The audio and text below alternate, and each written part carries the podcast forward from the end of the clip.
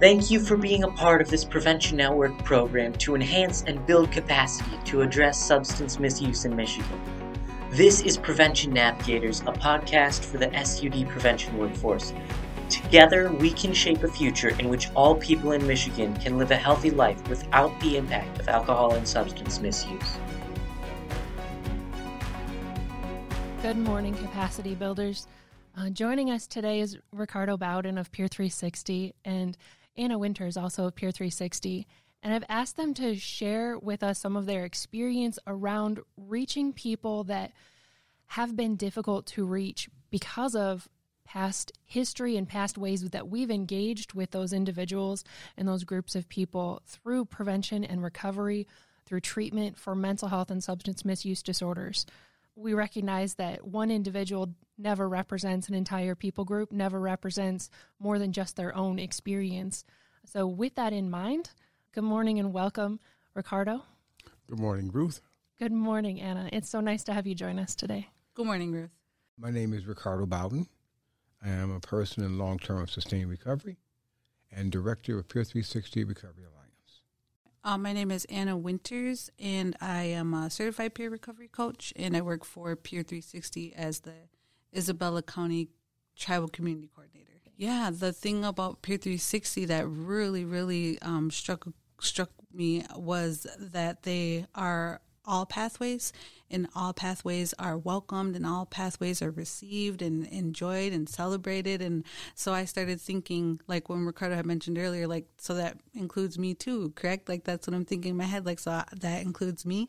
And for me that was really profound. And ricardo you mentioned you might want to share a little more background, um, your history in prevention, and how did you come to be involved in reaching out to um, the specific community that we're talking about today? My experience in prevention. You can take the next 20 minutes. um, I actually became active in prevention around HIV and AIDS after I became infected. I became infected in 1987. And some years later, uh, because I would continue having tr- challenges, struggling with substance disorder, I was going in back and forth to treatment, trying to find my way to getting stable. It was very hard. It was very desperate. It was dark times. It was hard to believe it was even worth the effort because death was so near. I was in a treatment center, and one of the things that I was fortunate in my journey with living with HIV and AIDS was I have a friend who was a woman who was also infected with HIV and from Ann Arbor, who uh, who has some connection with the white gay community, and living with HIV in Ann Arbor, in the Ypsi area. And she would talk to me about information they had available to them, about medications that are coming down the pipe. Talked about how the virus actually worked in the body and and all of that. Opportunities that if we could stay alive for another three years, there may be some medications they may give us another couple years. So they had they were have they had that information like we were cutting edge. So I went to a treatment center in '95, um, and um, which um, specialized in helping people live with HIV and who have substance disorder. This was in the heart of Detroit. All the people, folk who were in there, African American, poor, low education.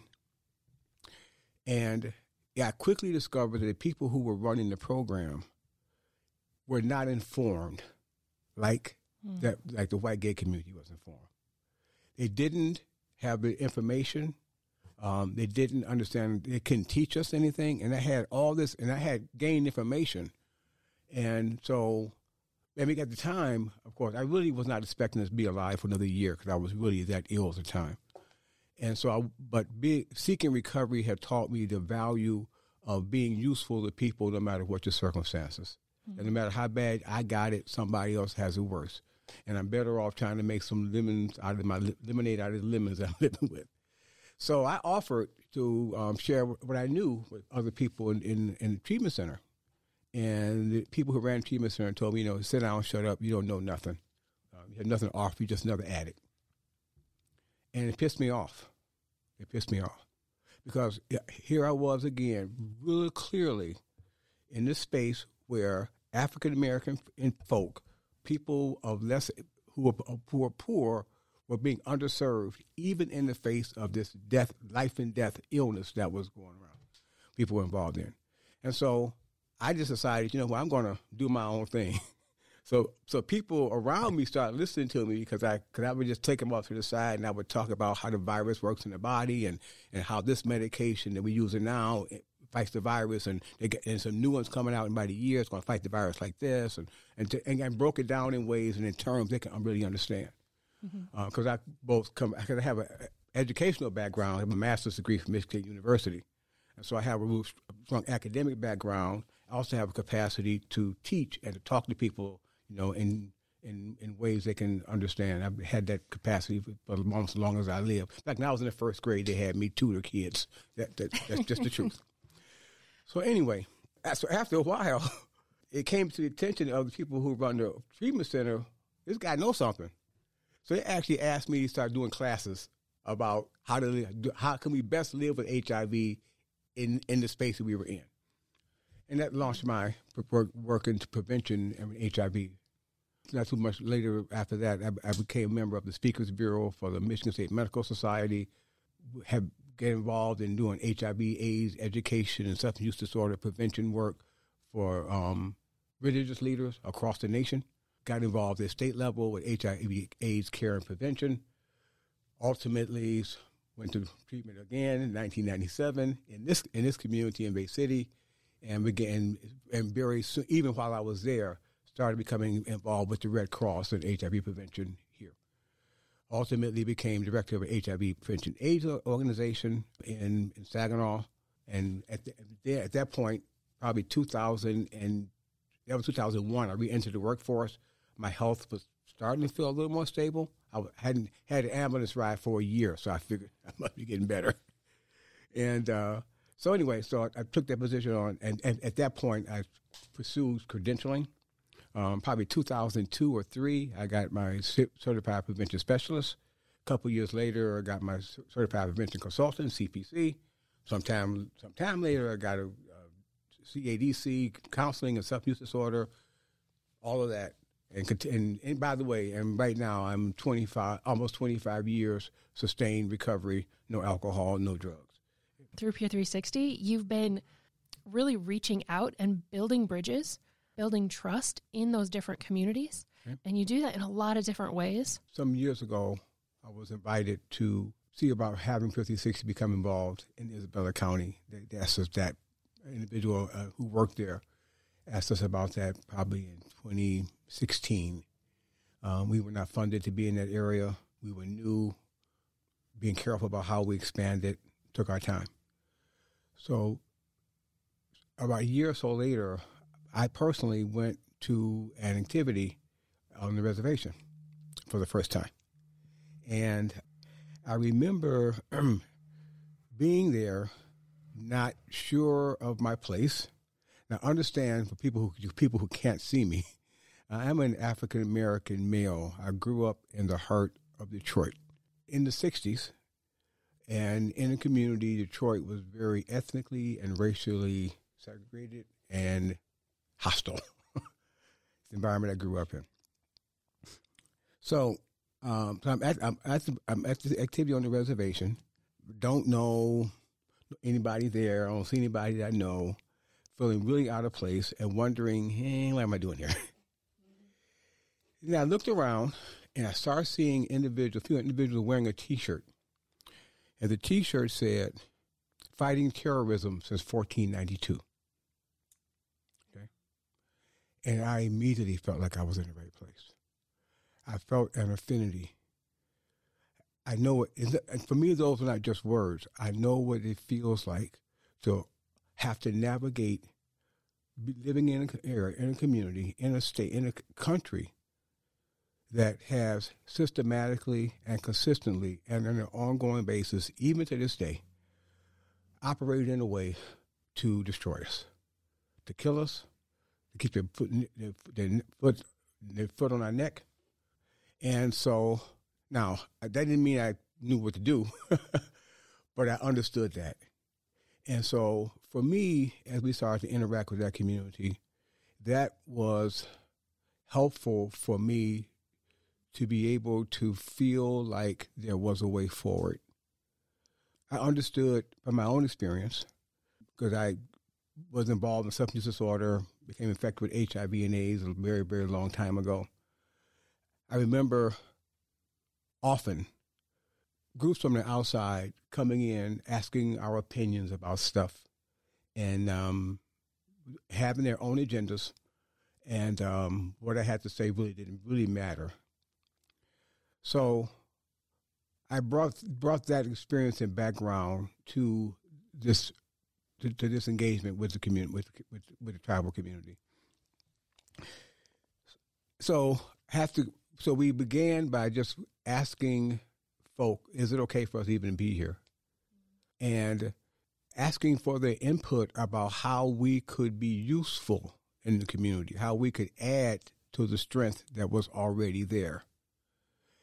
And then absolutely listening to what they told us in back. And then everything we have done has been guided by that guidance and the continued guidance and input that we get as we get more and more involved in the community.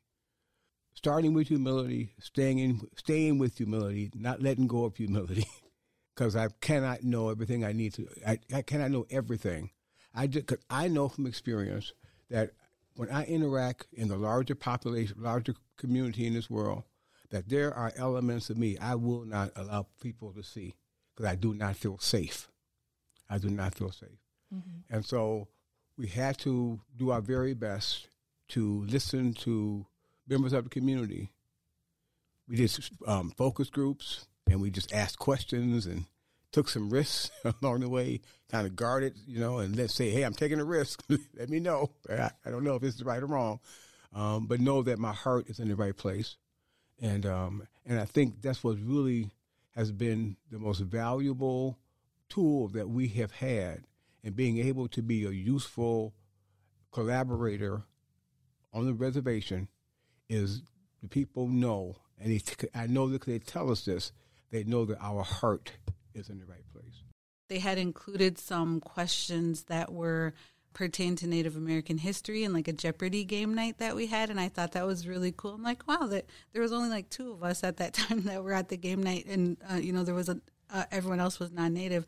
So I thought that was really cool, and I felt like, wow, that was, and they did it in a really respectful way, and it was it was fun, and it was, you know, there was no negative anything attached to that. It was just all fun and learning, and people were learning, you know, about Native culture. I thought it was really awesome, but it was something to the extent of prevention is culture, or my culture is prevention, and for whatever reason, that's always stuck with me because it was like I knew it somewhere deep down inside. I knew it, but I I just needed it to be affirmed, I guess, like how you see little signs. But when we're talking about mental health, when we're talking about substance misuse prevention, it has to start with humility if we're trying to to connect with people. And we have to go in and as you said initially, we want to add to the strength that's already there in ways that were wanted. So how you said how can we be useful to add to the strength that's already there? And that's one of the first questions you asked. And oftentimes when we're talking about prevention in the public health model, we, we're disease focused and we're focused on what's wrong. And even our education system trains us to think critically and, and look at, you know, find the mistakes and then correct them. As human beings, we need to look at the strengths. We need to look at those things that make us unique, but we also need to find that common ground.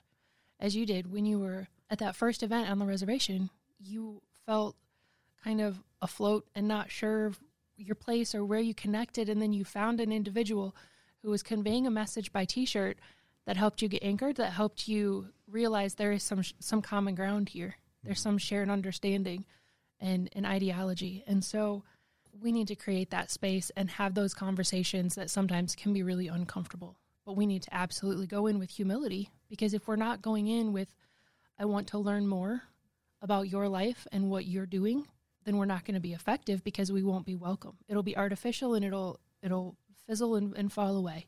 The word humility has been brought up, you know, a, a bit, which I really appreciate because, uh, like I said, when we first encountered with Peer 360, they were very genuine, very transparent, very honest, and um, had practiced humility about the way they were approaching and that they were um, wanting to help, but also wanting to know how they could be the most helpful and in a very respectful way. That was, I believe, received very well. But along those lines, there's um this, I guess, concept you could call it the seven grandfather teachings. Mm-hmm. And so humility is one of those seven grandfather teachings, and uh, the other ones would be love, respect, bravery, honesty, truth, and wisdom. And so the basis behind the seven grandfather teachings are they're somewhat of a guiding post of how one is to live a good life, live a healthy life, live um, the way you carry yourself, the way you role model, the way you are, you know, affects the generations after you, and then that generation learns from you. And this also ties into seventh generation philosophy, but this also ties into another concept, which is the red road, and that is metaphorically speaking a, a, good path in life, walking a good path in life. We're taught to use the seven grandfather teachings as a way of life. And so if you're always incorporating the seven grandfather teachings into your daily life, into your weekly, monthly, yearly, you know, just your life in general, you will be walking in a good way and you will be uh, walking with integrity and you will be genuine and you won't be disrespectful. You won't be causing harm or damage. And then by walking that way, um, like I had said, then you teach the generations behind you or your peers to walk in the same way. And then this is kind of outwardly, you know, hope it goes individual, family, community, nation. And that's sort of the realm in which we'd like it to transpire into outwardly. But yeah, so I really like that uh maybe not just focusing on the barriers because that's always tough for me to I don't know why I'm like a want to jump past the barrier, go right to the problem type person. I mean, right to the solution type person. I'm like, well, what's working? Let's go with that. But also kind of ties into building on the strengths that are already there. So if the there's a concept that you know a native community is aware of and, and works well with, which would be the seven grandfather teachings, maybe work with that. Very solid answer. And I know we had talked about that a little bit um, in our previous conversation. What, um, where can people find a little bit more about the seven grandfathers teachings? Um, is there some some lessons there that we can we can draw from uh, for a better understanding? Yeah, there's um there's literature out there that has seven grandfather teachings in it. I would also like to point out that uh, every tribe is different and every tribe every tribe is unique. Um, the seven grandfather teachings may look different from tribe to tribe. The interpretations may look a little different from tribe to tribe. The ones that I was speaking of are directly to Ojibways, the the tribe that I'm from, and um, the Saginaw Chippewa tribal area as well. But I guess for a starting point would be to go locally.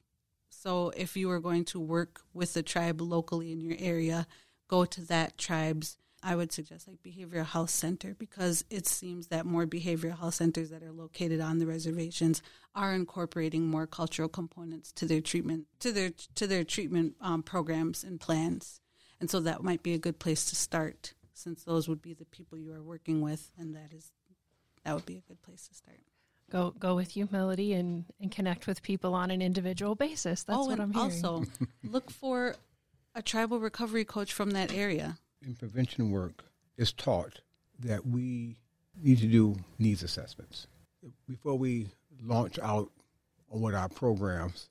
Try to do get some measure of is this a program that's needed and and worthy and and and makes sense for this community. If we do that in a genuine way and we listen to what people tell us and have meaningful kinds of surveys or focus groups, those kind of things, there's an opportunity there to demonstrate folks' worthiness by acting on what they've informed us about. They wrote the, the plan for the year and we I read the plan and I saw my ideas in the plan. I saw it.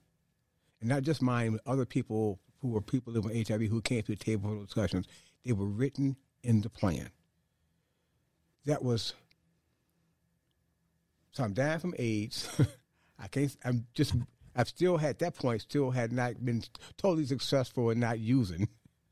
Um, I thought my opportunity to have a real meaningful life was gone. First of all, I wasn't going to be around for it to happen, even if I do get my act together and keep it together. Yet, the feeling that I got from that was worth and value, confidence, motivation, and encouraged me to work that much harder. There's there's immense value in in community based work, in community based coalitions, and people coming together and listening to one another.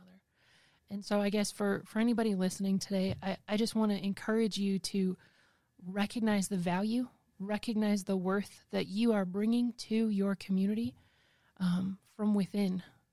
Not that it's you providing answers, but it's you building up those strengths that are already there, drawing people together for a higher purpose to develop a legacy of health promotion and and preventing substance misuse and strengthening families and providing a brighter future for our Michigan communities. So I'm going to leave us on that note and then we'll host a couple of workshops about how we can encourage individuals to practice asking the right questions with a sense of humility. And so that's that's what our next steps are going to be from this point. Uh, that's what my next steps are. I invite you to be involved at whatever level you're comfortable and you would like to be. Thank you, Ruth. Thank you, Ruth. For allowing me to be here. It's, it really is an honor to be sitting in this space.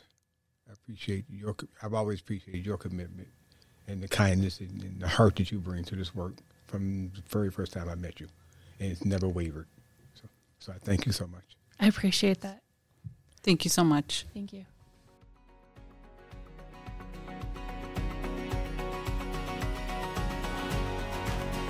We invite you to respond by getting connected. Subscribe and listen. Visit our online community. Contact Ruth to participate in workshops or request one on one guidance about this month's topic. Email Ruth at ruths at preventionnetwork.org or call 517 393 6890. Thank you so much for your contributions to shape the future through prevention. This has been Prevention Navigators, a Prevention Network program.